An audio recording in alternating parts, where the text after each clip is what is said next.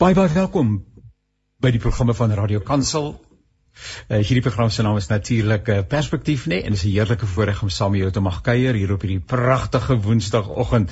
Ek wonder hoe lyk die weer daar by jou hier by ons. Ek is in Kreersdorp. Ek saai uit my studeerkamer uit wat natuurlik 'n heerlike voorreg is, die tegnologie wat dit vir ons moontlik maak en uh, het ons deurnag reën gehad. Te heerlik. In 'n mens slaap daarom so lekker as dit reën nie waar nie.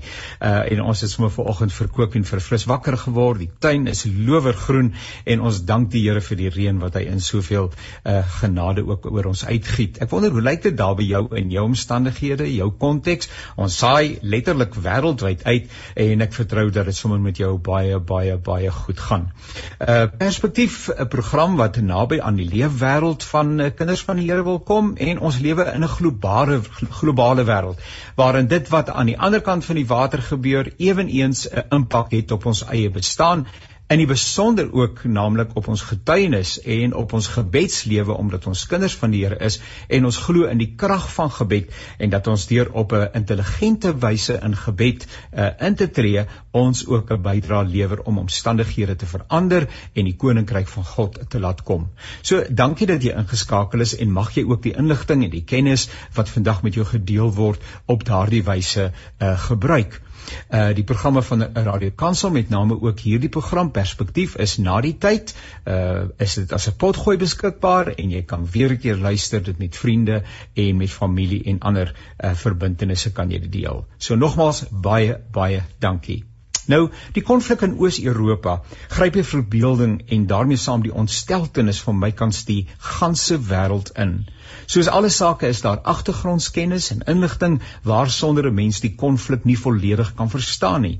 En hier om ons daarmee te help, is Dr. Erik van Alten en Dr. Erik en ek gaan dit so in die Engels sê want so het ek hom op die internet gekry, pastor of the Free Reformed Church Pretoria and faculty member at the Evangelical Reformed Seminary of the Ukraine.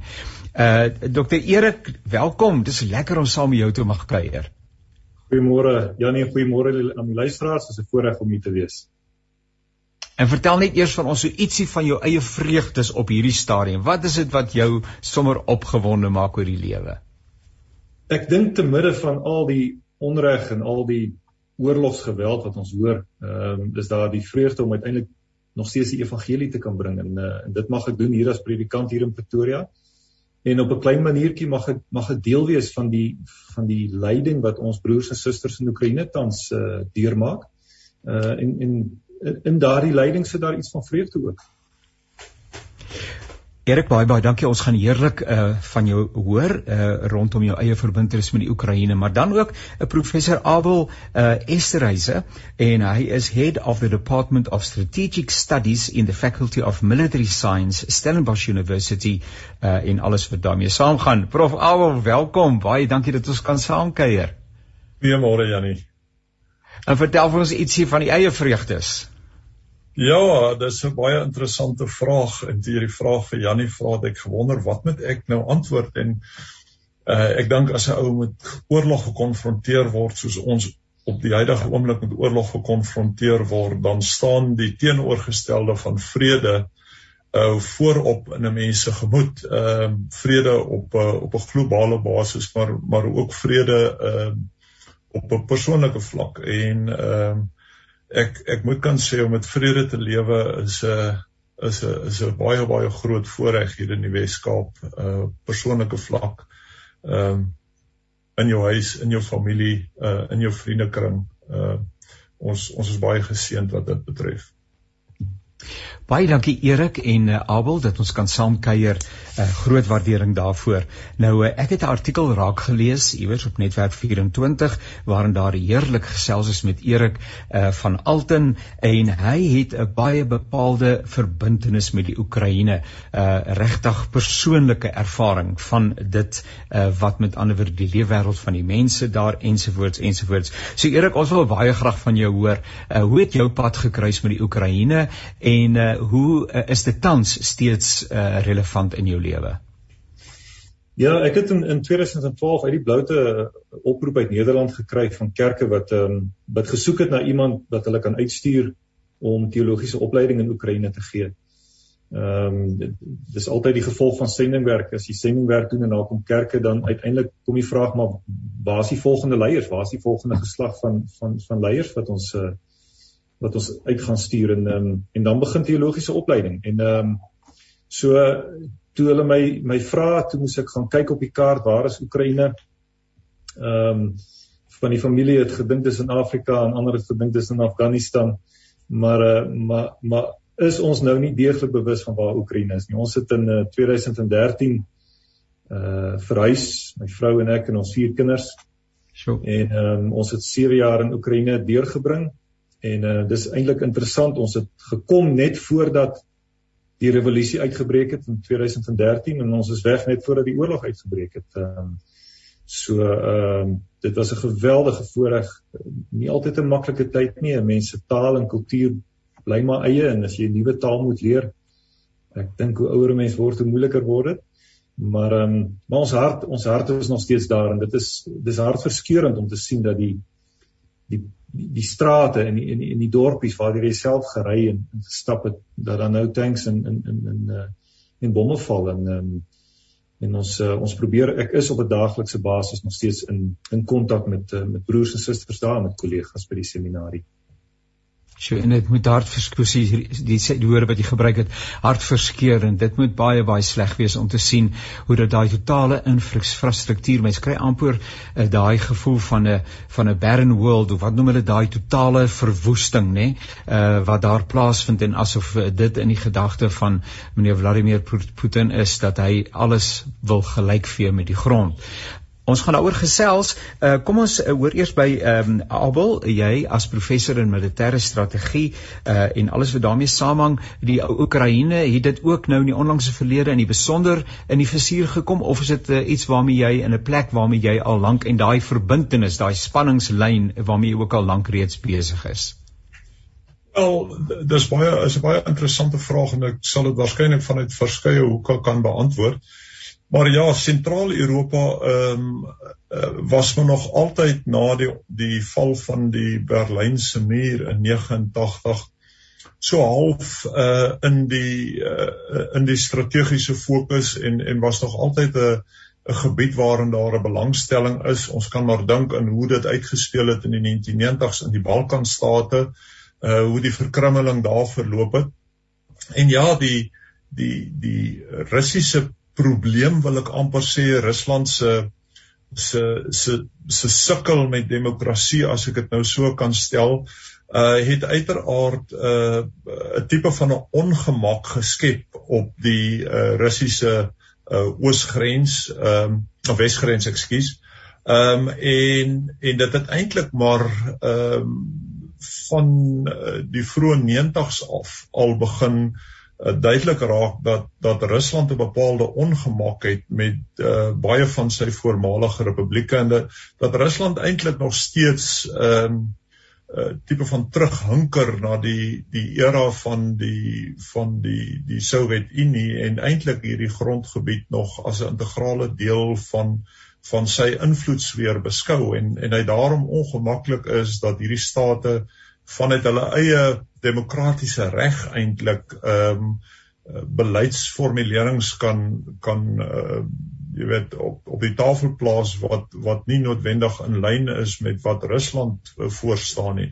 En dit dit het bepaalde ongemak geskep nie net in Rusland nie maar by Putin uh, in die besonder.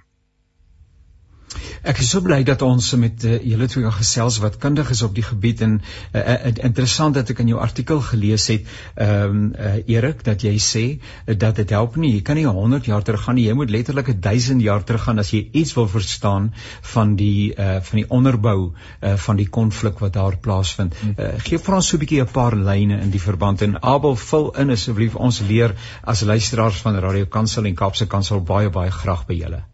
Ja, as as as teoloog en as as kerkhistorikus is dit goed vir my geweldig interessant, maar dis nie net kerkgeskiedenis, ek dink dit is geskiedenis as sulks. En ek ek lees gister nog 'n artikel wat Putin self geskryf het. Dit, ek dink dit is beskikbaar op die webwerf van die Kremlin waarin hy ehm um, waarin hy baie duidelik hierdie geskiedenis van die man is nie uh, hy hy ken sy geskiedenis. Ehm um, en uh, waarin hy baie duidelik maak dat ehm um, dat uh, in sy visie is Oekraïne deel van van die groter Russiese gebied. Um, in in in in Russies praat hulle van Mala Rassi. Dit beteken klein Rusland.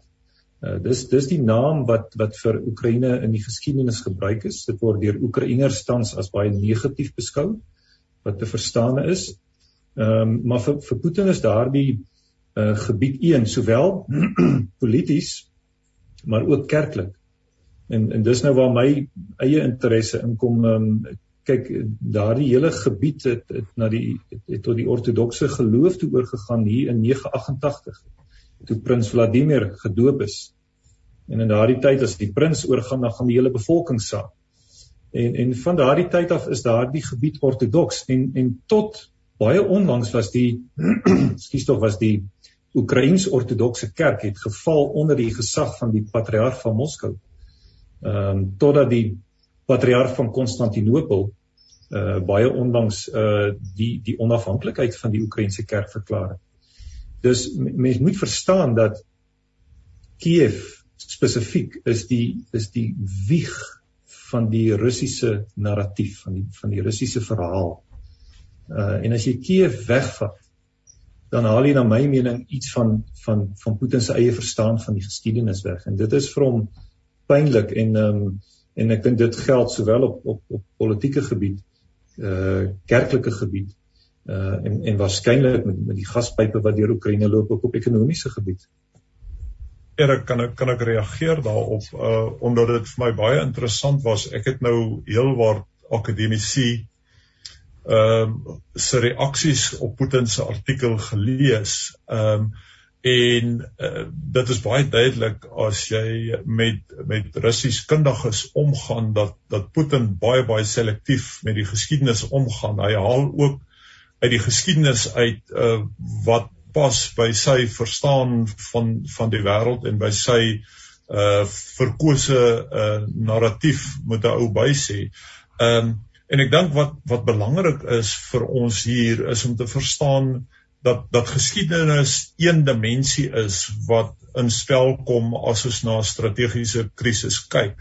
Ehm um, maar daar's 'n hele ander reeks uh strategiese veranderlikes wat ons ook in spel moet bring. Uh wat die die politiek is, wat die ekonomie is, uh selfs wat tegnologie aanbetref. Ehm um, so so jy moet jy moet inklusief dink oor die probleem ehm um, in in en en nie en en eintlik waak om die historiese dimensie te oorbeklemtoon want uit die uit die geskiedenis uit kan 'n mens baie goed motiveer. Jy kan die positiewe en die negatiewe motiveer uit die uit dieselfde stuk geskiedenis uit. So geskiedenis belangrik, maar maar die geskiedenis is nie die volle verhaal nie. En en ek dink om om by die volle verhaal uit te kom moet 'n mens ook iets verstaan van wat in die wêreld gebeur het uh, in die afgelope 30, 40 jaar sedert die ontbinding van die van die voormalige Sowjetunie en en hoe die wêreld homself ehm uh, soos reg deur die eeue homself geherskik het en geheroriënteer het en en hoe die wêreld toenemend beweeg het in 'n rigting van 'n uh, demokratiese regeringsvorm byvoorbeeld. En en veral ehm uh, in in die in die sentraal-Europese omgewing het die idee van demokrasie baie belangrik geword omdat demokrasie uh vir baie van daardie state uh, die die die anker was waaraan hulle vasgehou het nadat hulle so lank onder die die juk van van die voormalige Sowjetunie geleef het.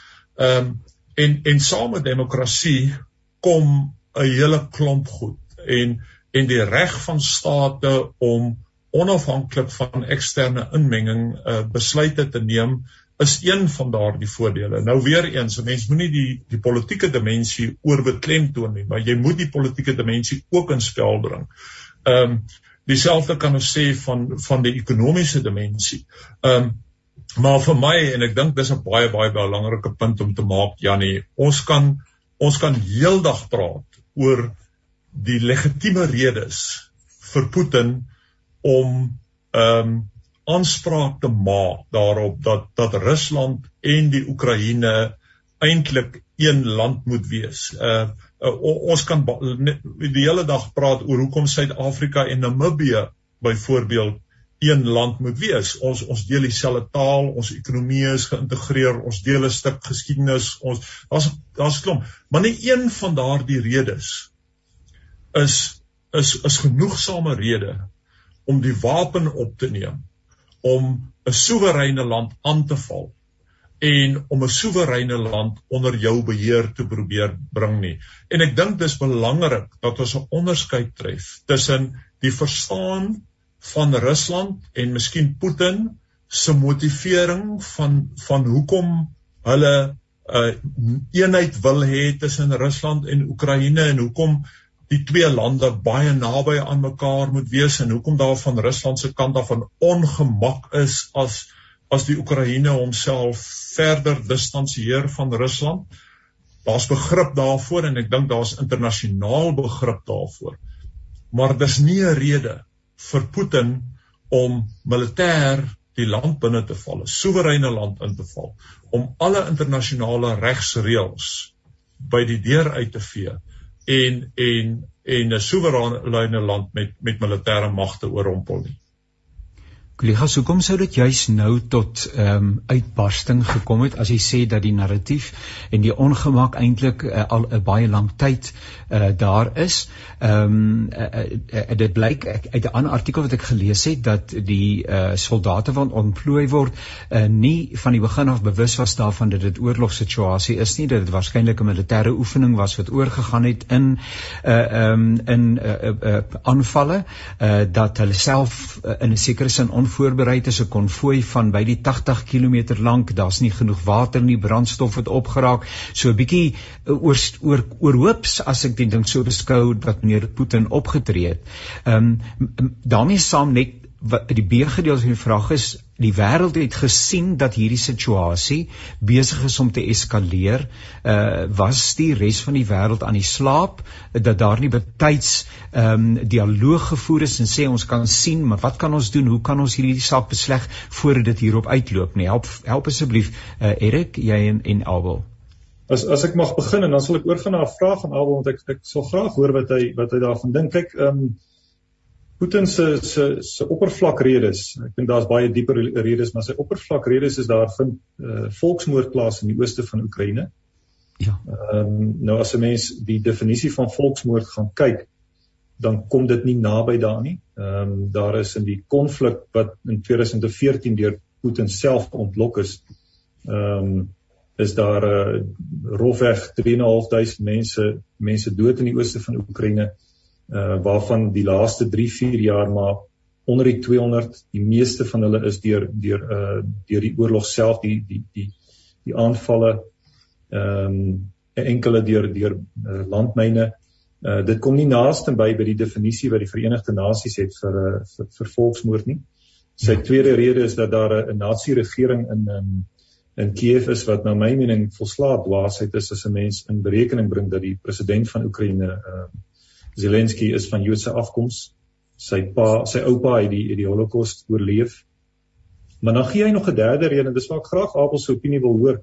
Hy praat van NAVO, NAVO wat nie by sy by sy ehm um, uh, by sy ooreenkomste hou nie en en steeds meer besig is om om ooste te beweeg. Nou nou my verstaan van NAVO is dis 'n verdedigingsmag en nie 'n aanvalsmag nie. Kan jy dalk bietjie meer daaroor sê?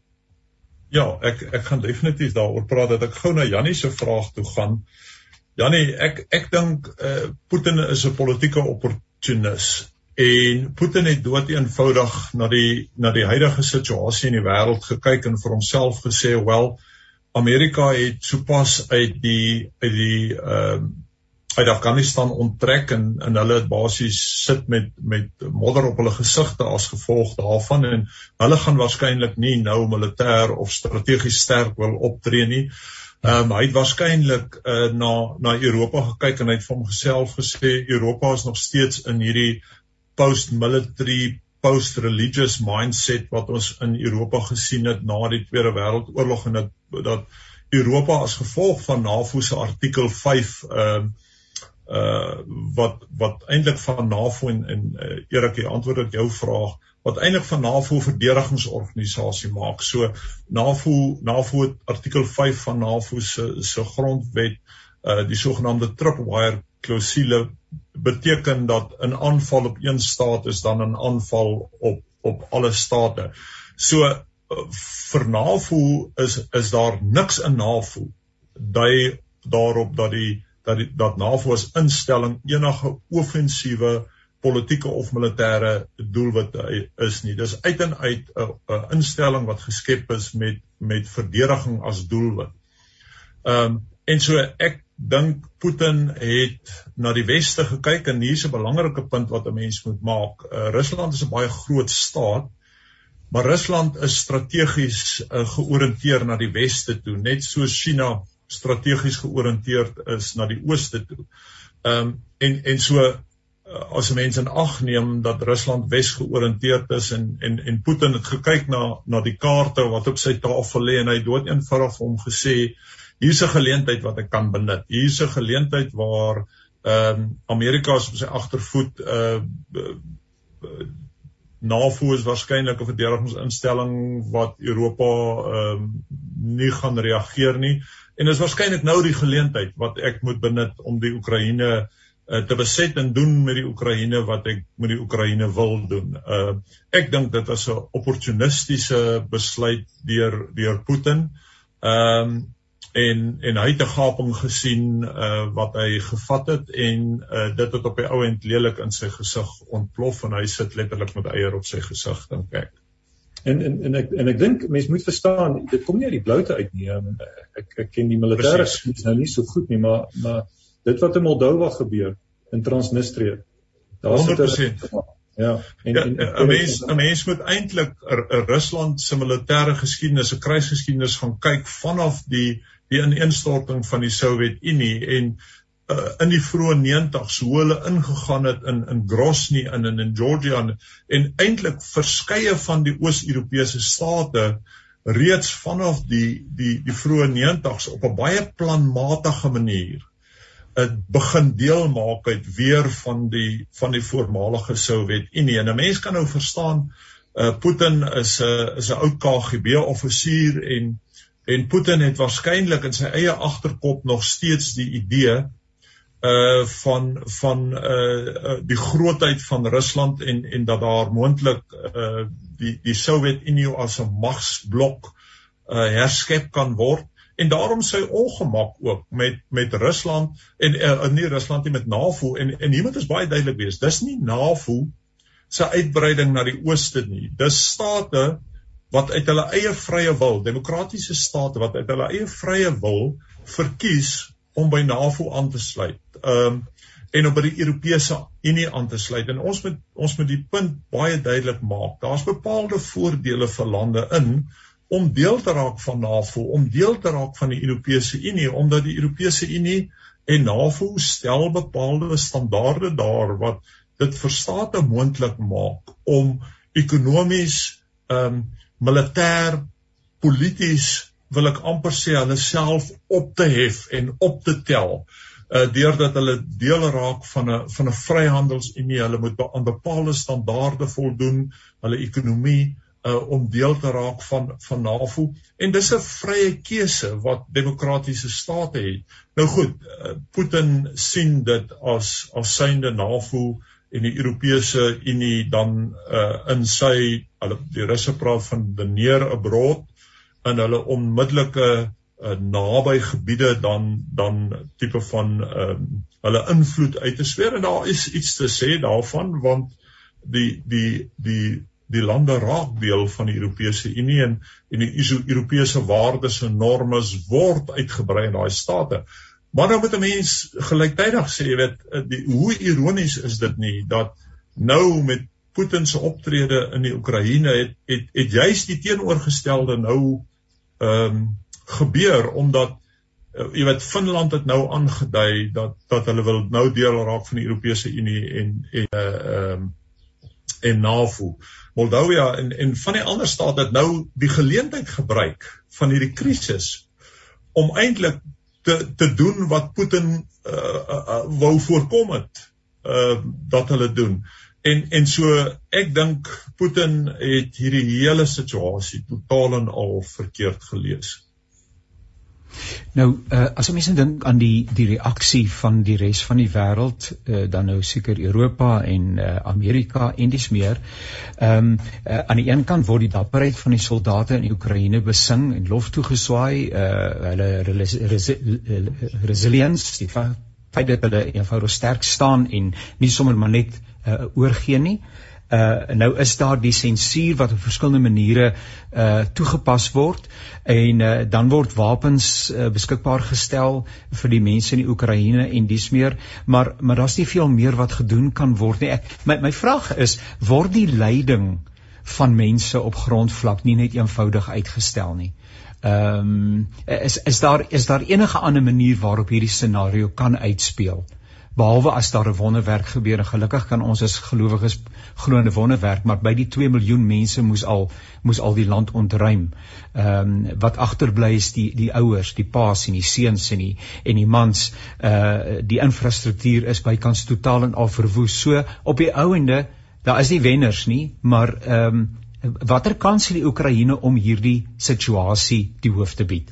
En en en as die as ons nou bly om wapens stuur of die westerse wêreld wapens stuur en die ouens aanmoedig word die word die pyn en die lyding nie net uitgereik nie. Erik, wat dink jy? Erik, ekskuus tog, Erik? Nee, dis reg. Ek ek ek sal vir Abel oorlaat om om vanuit sy kundigheid te reageer. Ek gaan met my hart reageer want want Oekraïne lê ons na in die hart en um, natuurlik. Ek um, daai daai mense dit, dit lyk op die oog af vreemd en en en 'n bietjie dwaas om eenvoudig te sê enigiemand wat wil kom ons gaan vir julle 'n wapen gee. En en dalk vanuit 'n militêre oogpunt is dit ook dwaas. Maar vanuit 'n hartsoogpunt, uh hierdie Oekraïners sê dis al wat ons het. Ons het nie ander land nie. Dis wat ons het en dit gaan ons verdedig en ek en ek dink dis een van die dinge waar teen Putin homself behoorlik vasloop. Ehm um, teen 'n uh, teen 'n land wat met wat met hulle hart veg, ehm um, vir die grootste deel in elk geval. Teenoor Russiese soldate wat soos jy al reeds genoem het, meersplek nie geweet het hulle gaan veg nie. In die tweede plek die verhaal gehoor het maar hierdie Oekraïners gaan julle met blomme verwelkom. Ehm um, dis ehm um, en en ek dink dit is 'n dis 'n regte Dawid Goliat situasie waar ehm um, wat Dawid uh, dalk selfs teen my eie klein geloof en teen my eie verwagting en dalk dalk meer gaan doen as wat hulle as wat hulle kan in um, in die in die in die saamstaan van die van die gemeenskap in Oekraïne in die lande net wes van Oekraïne, Pole, uh Hongarye, Roemenië is verstommend. Ek ek het begrip vir die weste. Ek um ek ek weet nie wat hulle meer kan doen nie. Dalk kan Abel 'n bietjie meer daaroor sê. Ek ek weet nie of hulle tegnies gesproke meer kan doen nie. Vanuit 'n geloofsoogpunt sou ek wou sê die boosheid moet gestuit word. Uh, doen daarom meer as wat jy volgens die NAVO uh ooreenkoms mag doen, maar maar ek verstaan dat, dat daar ook reëls en wette is. So ek hoor graag wat wat hulle nog meer sou kon doen. Avel Janie, ja, ek ek ek kan die vraag op 'n teoretiese vlak antwoord of ek kan baie pragmaties wees op 'n teoretiese vlak vat dit ons na die vraag rakende uh die nutswaarde van oorlog en en of daar eendag 'n uh, waarde en nut is in oorlog. En ek meen ons kan 'n lank lang uh, weet diep debat daaroor hê. Maar ek dink vir ons is is dit belangrik om om jou vraag rondom uh, die die weerstand uh en die oorlog in die Oekraïne en die hulp van die weste uh, en die vraag rondom moet ons nog aanhou met die konflik ook te projekteer teenoor die die breër ehm um, optrede wat daar teen Putin is en en teen Rusland is. Want ek dink hier's hier's twee dimensies aan die speel. Die een is om uh, amper die die Russiese weermag vir so lank as moontlik in te trek, vas te hou en hulle te forceer om hulle hulpbronne ehm um, tipe van van te, te spandeer in in die Oekraïne om om dit vir hulle strategies so moeilik as moontlik te maak om om die die uitputtingsoorlog as ek die woord kan gebruik ehm um, die die die loop te laat neem uh in in die Oekraïne en dan aan die ander kant ehm um, my pa sal sê uh die weste is besig om Rusland se water en lugte af te sit. Aan die ander kant Rusland polities en ekonomies so te isoleer dat die koste van die oorlog vir Rusland, die politieke koste, die ekonomiese koste, ehm um, die die die sosiale koste, ehm um, dat die kostes van die oorlog vir, vir Rusland as 'n land uh, dood eenvoudig so ondraaglik raak dat dat Rusland geen ander keuse het dan om te onttrek uit die Oekraïne nie. En en ek wil my verstout om te sê en hier kyk ek nou iets wat in 'n in 'n glasbal Janie. Ehm um, ek wil my verstout om te sê dat ons gaan by 'n punt kom waar die Russe 'n tipe van 'n kulminasiepunt gaan bereik rondom die oorlog en waar hulle gedwing gaan word uh, ekonomies en polities om om hulle self te onttrek aan die Oekraïne. Dit gaan miskien uh die die tydsfaktor van van van strategie in plek bring omdat dit waarskynlik oor 'n tyd gaan wees.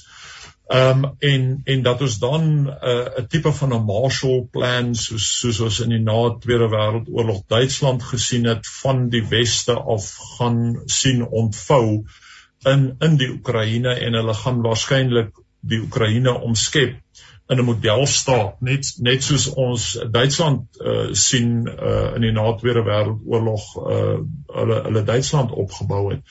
So so ek dink 'n mens moet maar 'n bietjie van 'n langer termyn perspektief ten spyte van die lyding wat nou aan die orde is en 'n mens verstaan dat op 'n persoonlike vlak of vlak vir al wat vrouens en kinders aanbetref daar 'n geweldige lyding is. Ehm uh, maar ek dink dis dis die tydsfaktor van van strategie is 'n belangrike oorweging wat ons nou in spel moet bring en en ja jy weet mense hoef dood eenvoudig vanmôre het het Coke en en McDonald's aangekondig hulle onttrek uit uit Rusland uit. Daar's geen manier wat mense meer geld uit Rusland uit kan uitskuif want hulle is afgesny van die bankstelsel. Hulle kan niks meer uitvoer en verkoop nie.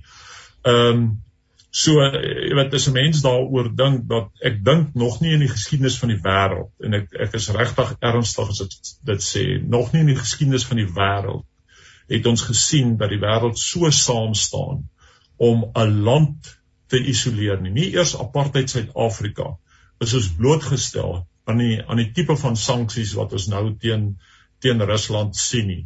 En en ek dink dis die belangriker hoër orde strategiese realiteit waarna ons moet kyk. Nou ja, ons het, as ek nog vra, ehm um, Abel dis my duidelik dat dat Putin internasionaal geïsoleer is alreeds.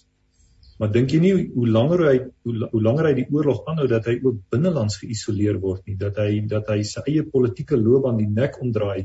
Mens sien al klaar uh plaaslik geweldige opstande wat eintlik ongekend is vir vir 'n land soos Rusland. Uh dink jy dis dis die sosiale dis die sosiale koste waarna ek verwys het. Ehm uh, dis baie interessant hoe die narratief begin verskuif en, en ek het dit die laaste 2 3 dae begin optel hoe die skuld vir die oorlog toenemend wegstuur van van die Russe en ek sê dit tussen aanhalingstekens om om Rusland en en die Russe te blameer na 'n narratief toe waar Putin geblameer geblameer gaan word.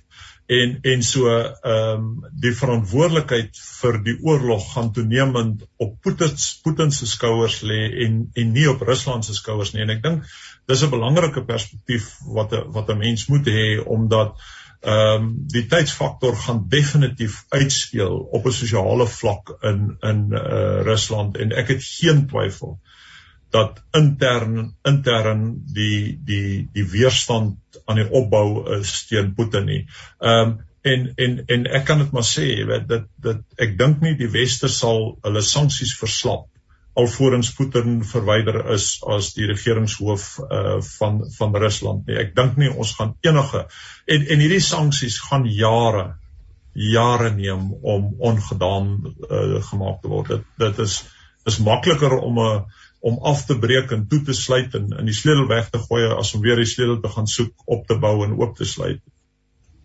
Nou ek gaan twee laaste vrae vra. Ons tyd loop uit en dit is so lekker om met u te gesels en ek vertrou dat ons die gesprek uh, kan voortsit uh, vorentoe. Ehm um, kom ek vir Abel vra uh, en dan kom ek by Erik want Erik ek wil nou nie sê Abel jy is nie 'n man van gebed nie, maar e-, Erik is seker die man van gebed en Erik moet vir ons luisteraars ook 'n aanduiding gee van hoe bid 'n mens? Wat vra jy? Ek en Suzet my ander helfte sit ver oggend in in in in in, gesels en ek sê moet 'n ou nie maar net sê Here laat U wil geskied nie want want want hoe jy weet nie om te bid nie, maar goed. Erik, jy gaan nou uh, daarop antwoord. Ek eers vir Abel vra, is Suid-Afrika se reaksie naamlik om uh, onbetrokke te probeer, probeer bly op 'n sekere manier. Uh, het baie reaksie en kritiek ontlok aanvanklik. Gister het ek artikel raak gelees waar sommige uh, wetenskaplikes, politieke wetenskaplikes uh, en mense reken dit is die regte ding om te doen uh, omdat die regering en meneer Ramaphosa volhou dat onderhandeling en samespreking die aangewese pad is. Ehm um, jou eie ehm um, perspektief hierop Abel, Suid-Afrika is hy aan die verkeerde kant van die geskiedenis soos iemand anders gesê het of is daar sin om nie betrokke te raak nie? Wel, Janie, my my eerste reaksie sou wil wees om te sê ons moet doen wat ons doen om om die die krisis op te los en en in daai perspektief uit wil mense sê Suid-Afrika moet 'n rol speel in onderhandelinge, maar dan moet ek gelyktydig ook sê, jy weet dat ek ek vind uh in die ANC in, in die regering uh 'n teenstrydigheid, jy weet, uh, hulle hulle kan kritiek lewer op Israel in sy hantering van die uh van die die Palestina uh, Palestina maar in die, in Rusland vind ons die reg teenoorgestelde. Daar wil jy vra waar is die beginsels in Suid-Afrika se buitelandse beleid? Wat het geword van die idee dat dat menseregte vooropgestel word in ons buitelandse beleid? En dan natuurlik daarmee saam jy weet kan 'n ou nie kan 'n mens nie in ontkenning staan oor die historiese en ek wil amper sê die romantiese verknogtheid aan aan enerzijds die marxisme en anderzijds as die die russiese eksperiment met marxisme nie en daar's vir my iets negatiefs um, in in daardie realiteit wat Suid-Afrika se besluitneming in die verband onder lê. Uh Erik, uh hoe bid ons? Wat bid ons? Uh het jy al openbaring in die verband gekry om vir ons te help asseblief? Ek het nie openbaring gekry nie, maar ek het WhatsApps gekry uit Oekraïne uit.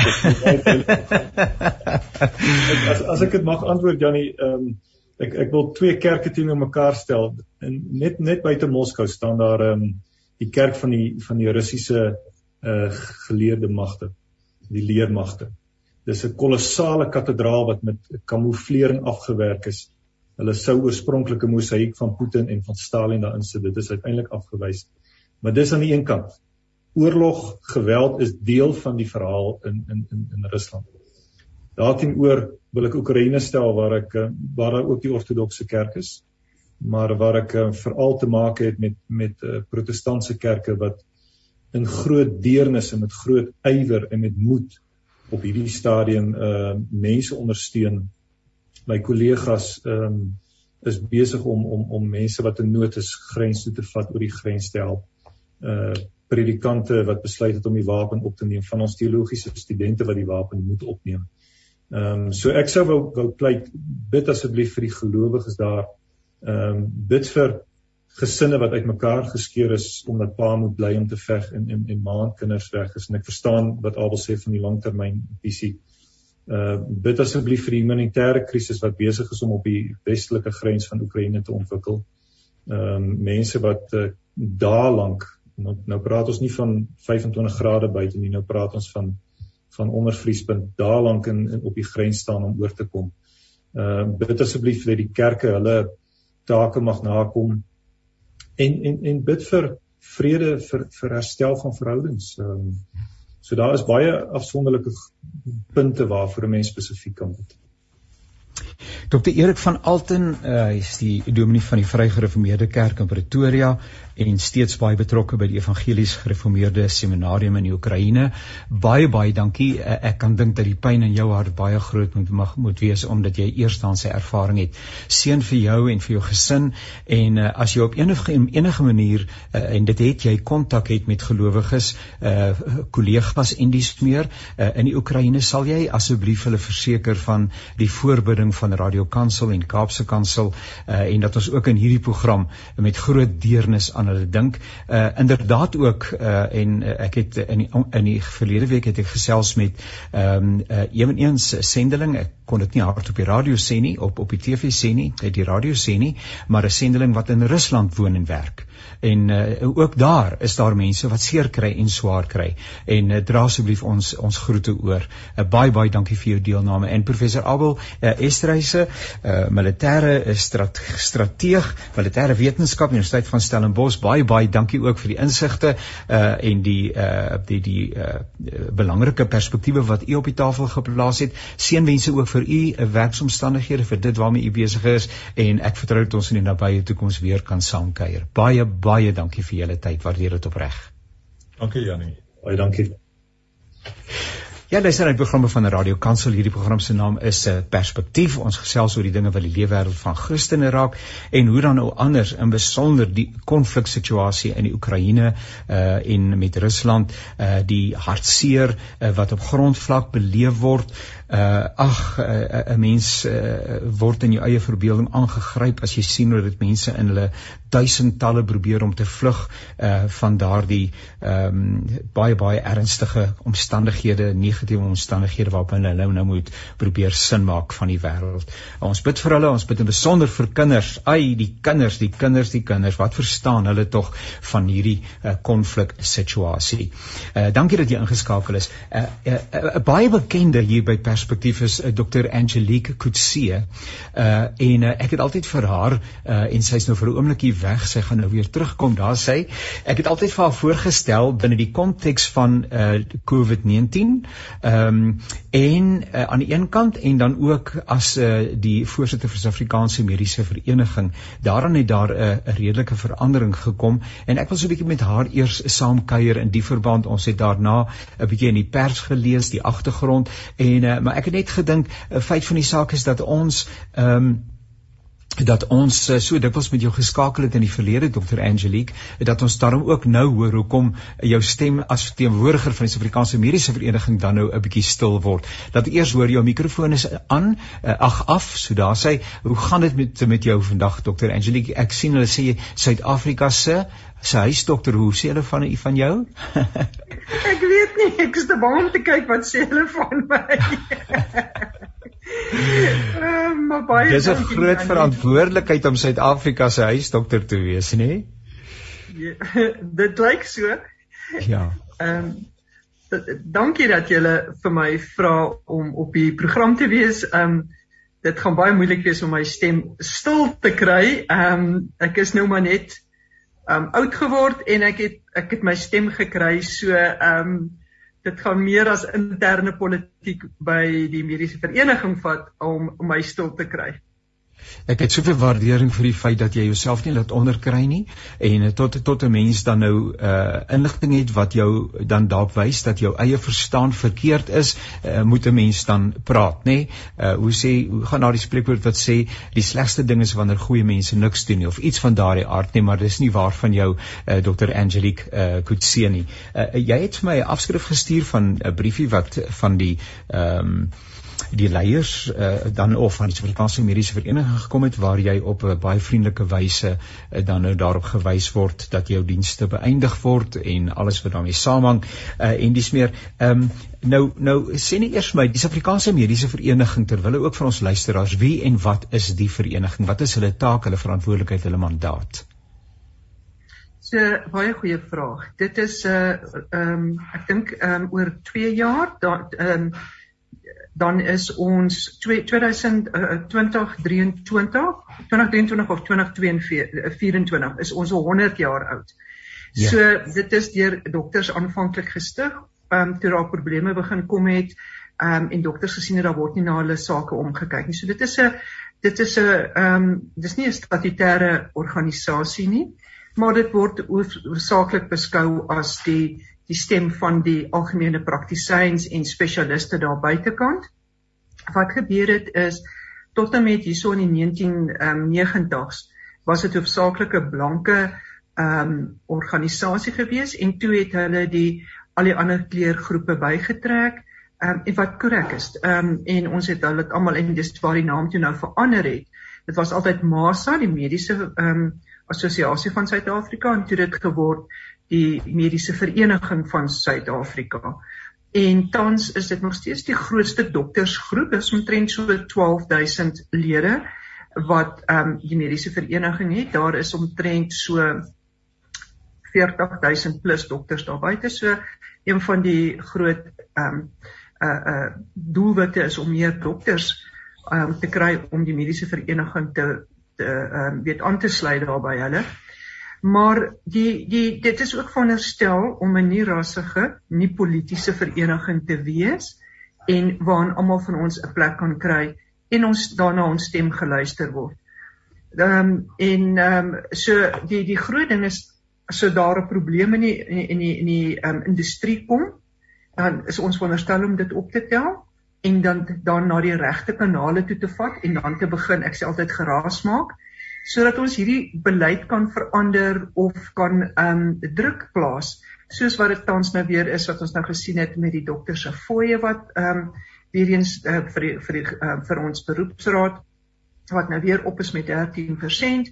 Vorige jaar was dit 15% en toe was dit net die mediese en en en en tandartsraad wat opgegaan het. Ehm um, jy weet ons voel ook baie sterk dat ons moet ehm um, die mediese ehm um, en tandartsprofessie moet soos die verpleegsters en die ehm um, uh, uh, aptekersraad heeltemal op ons eie wees want ons ons ons ons stem word nie meer gehoor nie. Jy weet daar's 12 rade en ons is maar een van die 12 en as daar 'n vergadering is sit al 12 om die tafel en as hulle nie belangstel in wat die dokter sê nie gaan hulle net dood eenvoudig die dokters uitstem. So dis al die tipe goed. So vir nou, tans omdat ek nie meer op die raad self is nie, ek het uit die raad uit bedank. Ek ek ek sien regtig nie kans op hierdie stadium vir interne politiek nie. Jy weet ek my my my my missie is om buite politiek te doen, die politiek wat met medisyne te doen het, wat seker maak dat ons goeie toesig het, dat ons weet wat met dokters gebeur, wat want as jy 'n gelukkige dokter het, het jy 'n gelukkige pasiënt. Om daar te beklei. Dis waar ek aanhou sal beklei en ehm um, ja, uh jy weet ehm um, sal kyk wat die pad vorentoe vir my hou. So ek is nog steeds 'n mediese vereniging lid op hierdie stadium en ehm um, ook kyk na ander ehm um, opsies uh want ek moet my stem laat hoor. Ons kan nie ons kan nie net stil bly nie. Ons ons moet en ehm um, ek is nie bang nie. Ek sê altyd jy kan nie meer my graad vir my al wegvat nie. Jy kan miskien my huis vat. Ek kan nie my graad vat nie. Ja, ja. Eh uh, Angelique, as ek so vir jou op voornaam mag noem, uh, hoe lank was jy voorsitter van die vereniging en en wat het toe nou dan aanleiding gegee daartoe dat daar 'n spanningslyn ontwikkel het? So ek was die eerste vroulike ehm um, voorsitter van hierdie organisasie in amper 100 jaar en ek was so 3 en 'n half jaar.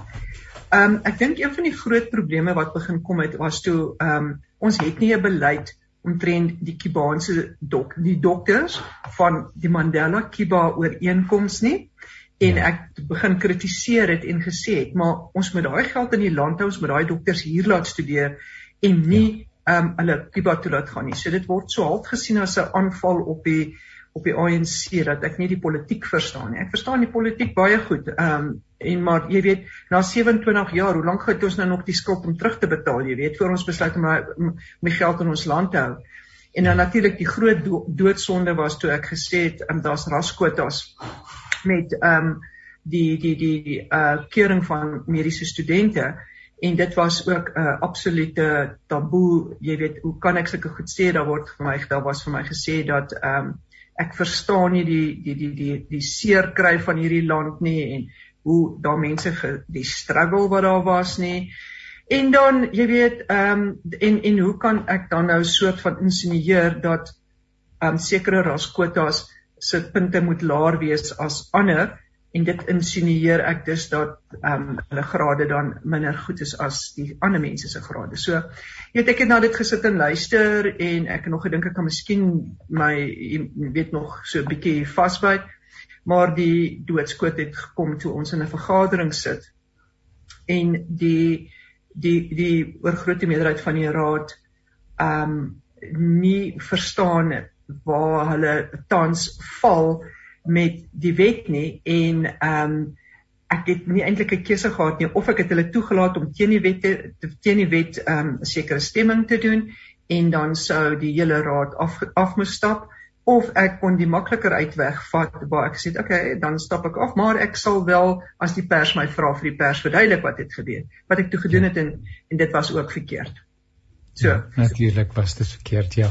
Ja. Ehm um, as 'n mens net vir 'n enkele oomblik oor uh, uh die opleiding van mediese studente, dokters uh en die sogenaamde aanstekens wat 'n woord jy ook al wil gebruik, herstellende aksie of uh, dat mense wat in die verlede uh nie uh, die in dieselfde mate toegang gehad het tot sekere opleiding ensovoorts nie, dat hulle tog op 'n mate op 'n manier ondersteun moet word. Ek bedoel met die beginsel is daar nie fout nie.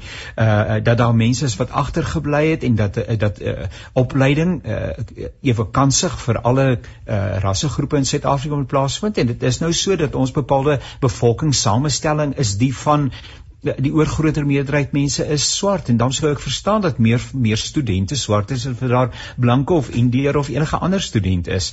Uh, die beginsel is nie die probleem nie. Die probleem lê daarby dat uh, dat jy sê dat dit verpolitiseer word, uh, dat dit nie erken word nie uh en uh en en en dat mense met goeie ehm um, meriete uh, in die proses in die slag bly en nie die geleentheid kry om te kan studeer nie. Ja, dit is uh jy weet ek dink daar moet heeltemal oorgekyk word na die keuringsmetode. Ek dink dit ja. moet gestandaardiseer word onder al die universiteite want dit is nie gestandaardiseer nie. En dan dink ek moet ons ook begin kyk na die uitkomste Wat het gebeur die laaste 10 jaar met hierdie studente? Met alle studente wat wat in medisyne ingekom het, is hulle nog in medisyne?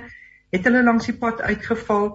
Ehm um, wat kon beter gedoen gewees het om hierdie studente te probeer help? En het hierdie studente dan ook werklik teruggegaan? Um, want die idee was dat 'n klomp van hulle moet teruggaan na die na die ehm um, die rural area met ander woorde na die afge, ja. afgeleë dorpe toe ehm um, en het dit gebeur? Jy weet, so jy weet ons ons is besig om vas te kyk aan 'n stelsel wat al eintlik al die jare daar is of baie jare daar is, maar ons gaan kyk wat is die uitkomste van hierdie stelsel. En en en hoe kan ons hierdie stelsel verbeter? En jy weet as dan as punte dan nie altyd so belangrik is nie, wat is die ander goed wat ons moet doen? Wat doen ander wêrelde? Jy weet ons moet bietjie na hierdie hierdie gesprek het ongelukkig het ek besef toe jy weet ehm um, na hierdie gesprek hoe erg die mense daar buite voel en hoe ongelukkig mense is daar buite en hierdie gesprek kan nie net weggaan nie. Dit ongelukkig moet dit aangespreek word en dit sal nie weggaan solank daar 'n dokter dokter Angelique Kutsie is nie. Dokter Angelique, ons tyd is verby. Ons gaan weer kuier in die toekoms. Uh, ek uh, wou nog 'n klompie vrae vra, maar ons vra dit by volgende geleentheid. Seënwense vir die pad vorentoe en ons gaan u uh, die pad wat u loop van hier af met belangstelling dophou. Uh, en mag die Here ook vir die wysheid gee in die verband. Baie baie dankie vir u deelname ook in die verlede. Ons waardeer dit opreg. Baie dankie en wees wees as uh, veilig vandag en mag die Here julle jou en al jou luisteraars seën. Dankie. Daarmee is ons aan die einde gekom van hierdie aflewering van Perspektief. Dit was heerlik saam met Dr. Angelique Kutse, saam met Dr. Erik van Alten en Professor Abel Esterhuise. Ek het sommer baie geleer, gestimuleer uh, in my denke, in my verstaan van die wêreld en die besonder ook in die verstaan van dit wat uh, daar baie ver van hier af plaasvind, maar wat soveel verskriklike hartseer uh veroorsaak en inderdaad in die woorde van Professor Abel van uh, uh, Abel uh, Esterhuise, daar is geen regverdiging uh vir die geweld, vir die hartseer, vir die vernietiging van infrastruktuur en alles wat daarmee saamhang, is daar geen regverdiging nie. Oorlog maak seer. Mag die Here vir ons in so 'n tyd ontmoet en in besonder ook vir die mense in die Oekraïne en ook in Rusland wat eweneens ook swaar kry en ly. Dit was lekker om saam met te kuier. Baie dankie vir Woesie wat vir ons die tegniese versorging van hierdie program behartig het. Onthou jy kan dit kry se potgooi by www.radiokansel.co.za en in naweke dan kuier ons ook saam in die program Naweek Aktueel dis Sondag om 1uur wanneer ons eweneens oor die aktualiteite van die dag gesels. Vandag gaan ons praat hierdie week gaan ons praat komende Sondag oor 'n lydenstyd en wat die lyding van Christus en die lyding van mense met mekaar ingemeen het. 1uur komende Sondagmiddag op AM 657 en ook 729. Seënwense tot 'n volgende keer. Alles wat mooi is.